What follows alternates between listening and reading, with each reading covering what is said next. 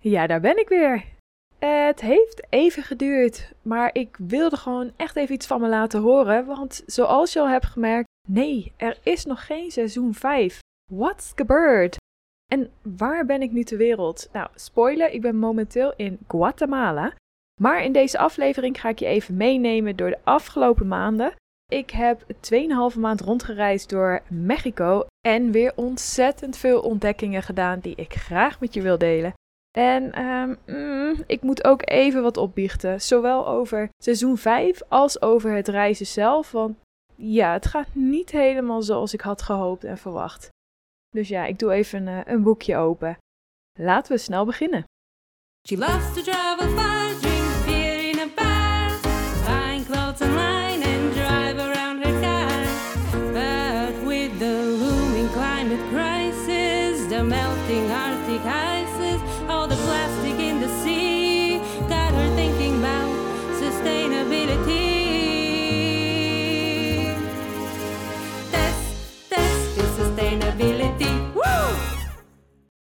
Allereerst Mexico, Mexico, een land waar ik al zo lang naar uit heb gekeken. Tuurlijk, zalig eten stond mij te wachten, hoopte ik. En uh, bijzondere avonturen. Ik heb totaal 2,5 maand rondgereisd door Mexico. Uh, daarbij heb ik het zuiden, die Yucatan-regio, met wat vrienden ontdekt voor een maand. Viel best wel tegen. Niet het reizen met die vrienden, super gezellig. Maar wel dat gele gedeelte, want jongens, waar was Mexico? Mega toeristisch, zwaar overrated. Denk aan een Tulum, een Holbox, een Playa del Carmen. Ik dacht, is dit nou Mexico? Wat een domper.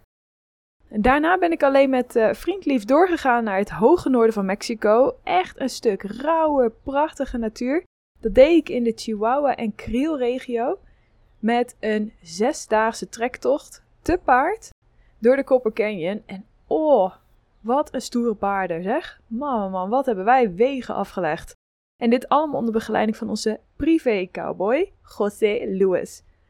Denk aan 8 uur per dag rijden, bizarre landschappen, slapen in een kleine ranchito en een tent waarbij het 1 graden was s'nachts, poepen in de wildernis, met als kers op de taart. Ik werd ten huwelijk gevraagd. Woe! Vervolgens, na die prachtige highlight, zijn we doorgegaan naar iets meer het midden van Mexico.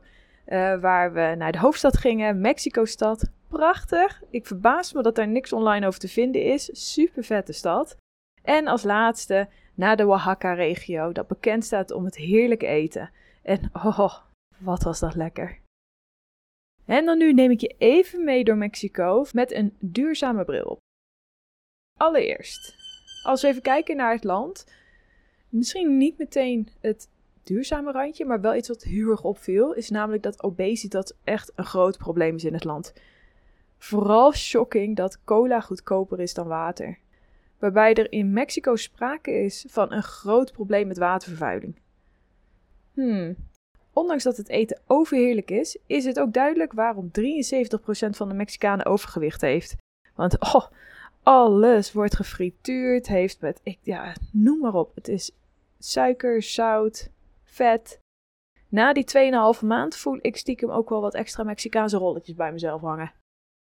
Nou lijkt het in die drukke toeristische plekken en al die prachtige hipster tentjes bijna ondenkbaar, maar armoede en corruptie spelen een hele grote rol in Mexico. Combineer dat met een stukje hebzucht door de verkeerde partijen van sommige houthakkers, boomstroperij en slecht technisch toezicht en je krijgt de huidige situatie in Mexico. Ontbossing. Heel veel ontbossing. Zoveel dat er in 2020 het land 295.000 hectare bos verloor. Dat staat gelijk aan 134 miljoen ton CO2-uitstoot. Wauw! Een ontbossing confrontatiemoment had ik ook wel tijdens onze rit door de Copper Canyon, dus waar we te paard reden. Zo zagen we op een gegeven moment ontboste delen in een prachtig natuurgebied. Kwamen we zelfs houtkappers tegen tijdens onze rit. Dat ontbossing een dingetje is, had ik toevallig al gelezen voor vertrek. Toen ik mij verdiepte in het inheems bevolk, namelijk de Tarahumara. Wat een tongbreker. Echt kudo's. Dit is de eerste keer dat ik hem zeg en ik heb hem in één keer. Bam, Tarahumara. Nailed it. Wat ik namelijk wel heel erg interessant vind aan deze inheemse bevolking, die hier en daar nog wel te vinden is, maar misschien niet meer in een manier leven zoals vroeger. Bij deze bevolking staat namelijk het onderwerp Korima centraal. En dat betekent een circle of sharing. Zij geloven heel erg dat delen iets buiten jezelf zit, dat dat een onderdeel is van je leven. Dat de nadruk moet liggen op relaties en een algemene well-being, dus een algemene gezondheid. Je zorgt voor elkaar en je vraagt daarin niets terug. Alleen toen de introductie van de houtkap in hun gebied kwam, zorgde dat voor een invloed van een geldstroom. Er was geen balans meer. En dat zette mij een beetje aan het denken. Ik vond het wel bijzonder, dat Korima. Zouden wij in onze huidige geldgefocuste wereld dat ook nog kunnen vinden? De circle of sharing. Een focus op delen en leven in balans met de natuur. Minder focus op het meer, meer, meer. Maar misschien meer focus op leven met minder. Want ik moet zeggen, dat is ook iets wat die, wat die rit mij heeft meegegeven. Ik had heel weinig. Ik had een paard en ik leefde vanuit onze rugzak. En ik, ah man, ik, die glimlach kreeg je niet van mijn gezicht. Natuurlijk niet alleen omdat ik ten huwelijk werd gevraagd. Nogmaals, wie? Maar ook het leven met de stilte, de rust, de natuur. Ik had geen mobiel. Ik had niet eens mijn e-book mee. Alleen maar praten, staren naar het vuurtje en een beetje schrijven in mijn journal.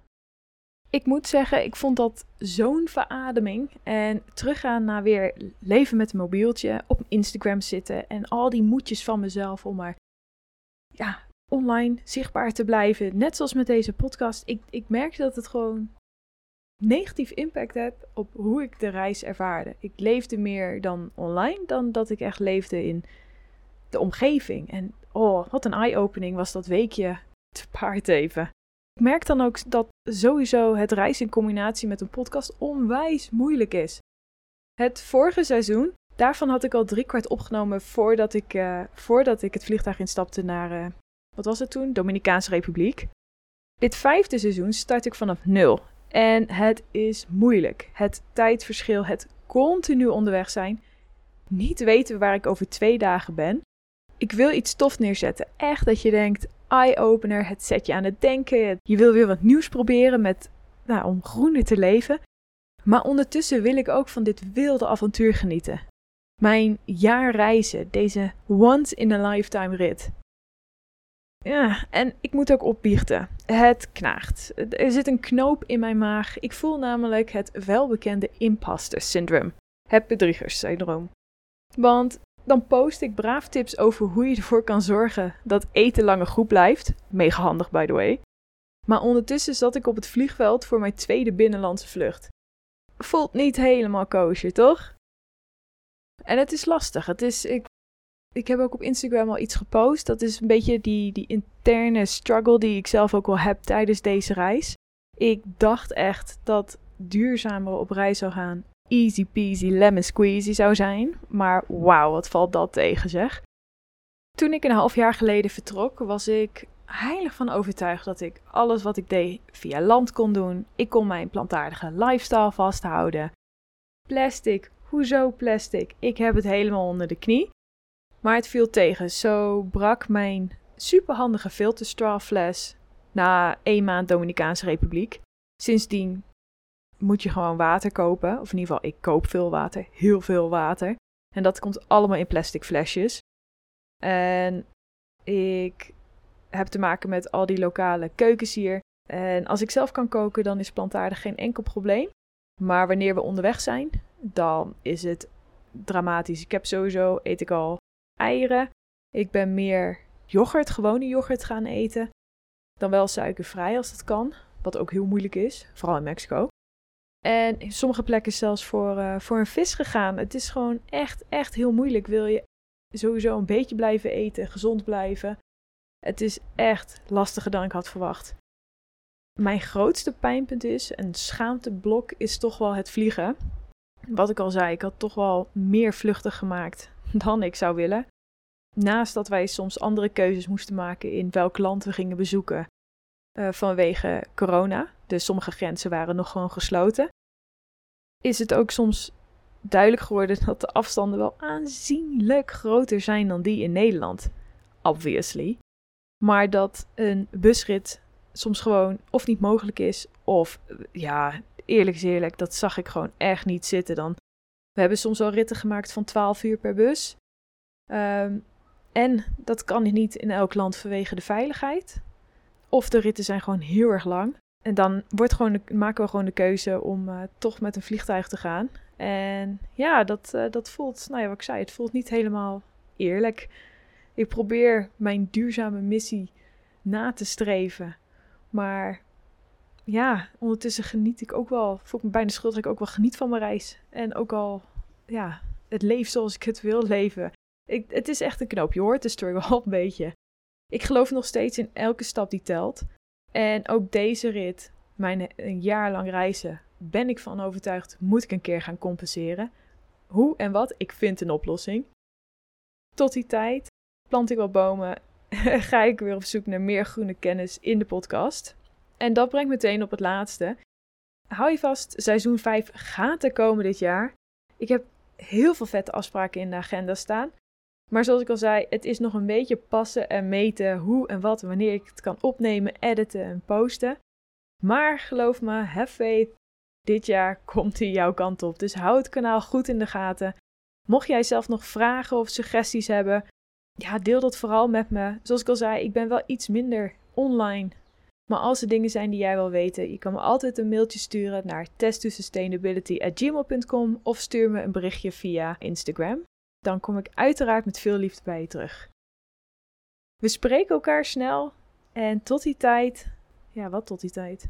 Stay green. Oeh, die was cringing, hè? Test, test, is sustainability. Woo! Woehoe! Samen hebben we weer een stap in de groene richting gezet. Jij topper. Ik hoop dat je net als ik geïnspireerd voelt naar deze aflevering. En wat neem jij vooral mee? Laat het mij weten via Instagram at Sustainability of deel het in de reviews op Apple Podcast. Oh, en um, help je mij mee de duurzame vreugde te verspreiden in Nederland? Deel dan deze aflevering op Instagram en vergeet mij niet te taggen. En als laatste, heb jij tips, tricks of feedback voor mij? Laat het mij ook vooral weten. Tot de volgende aflevering.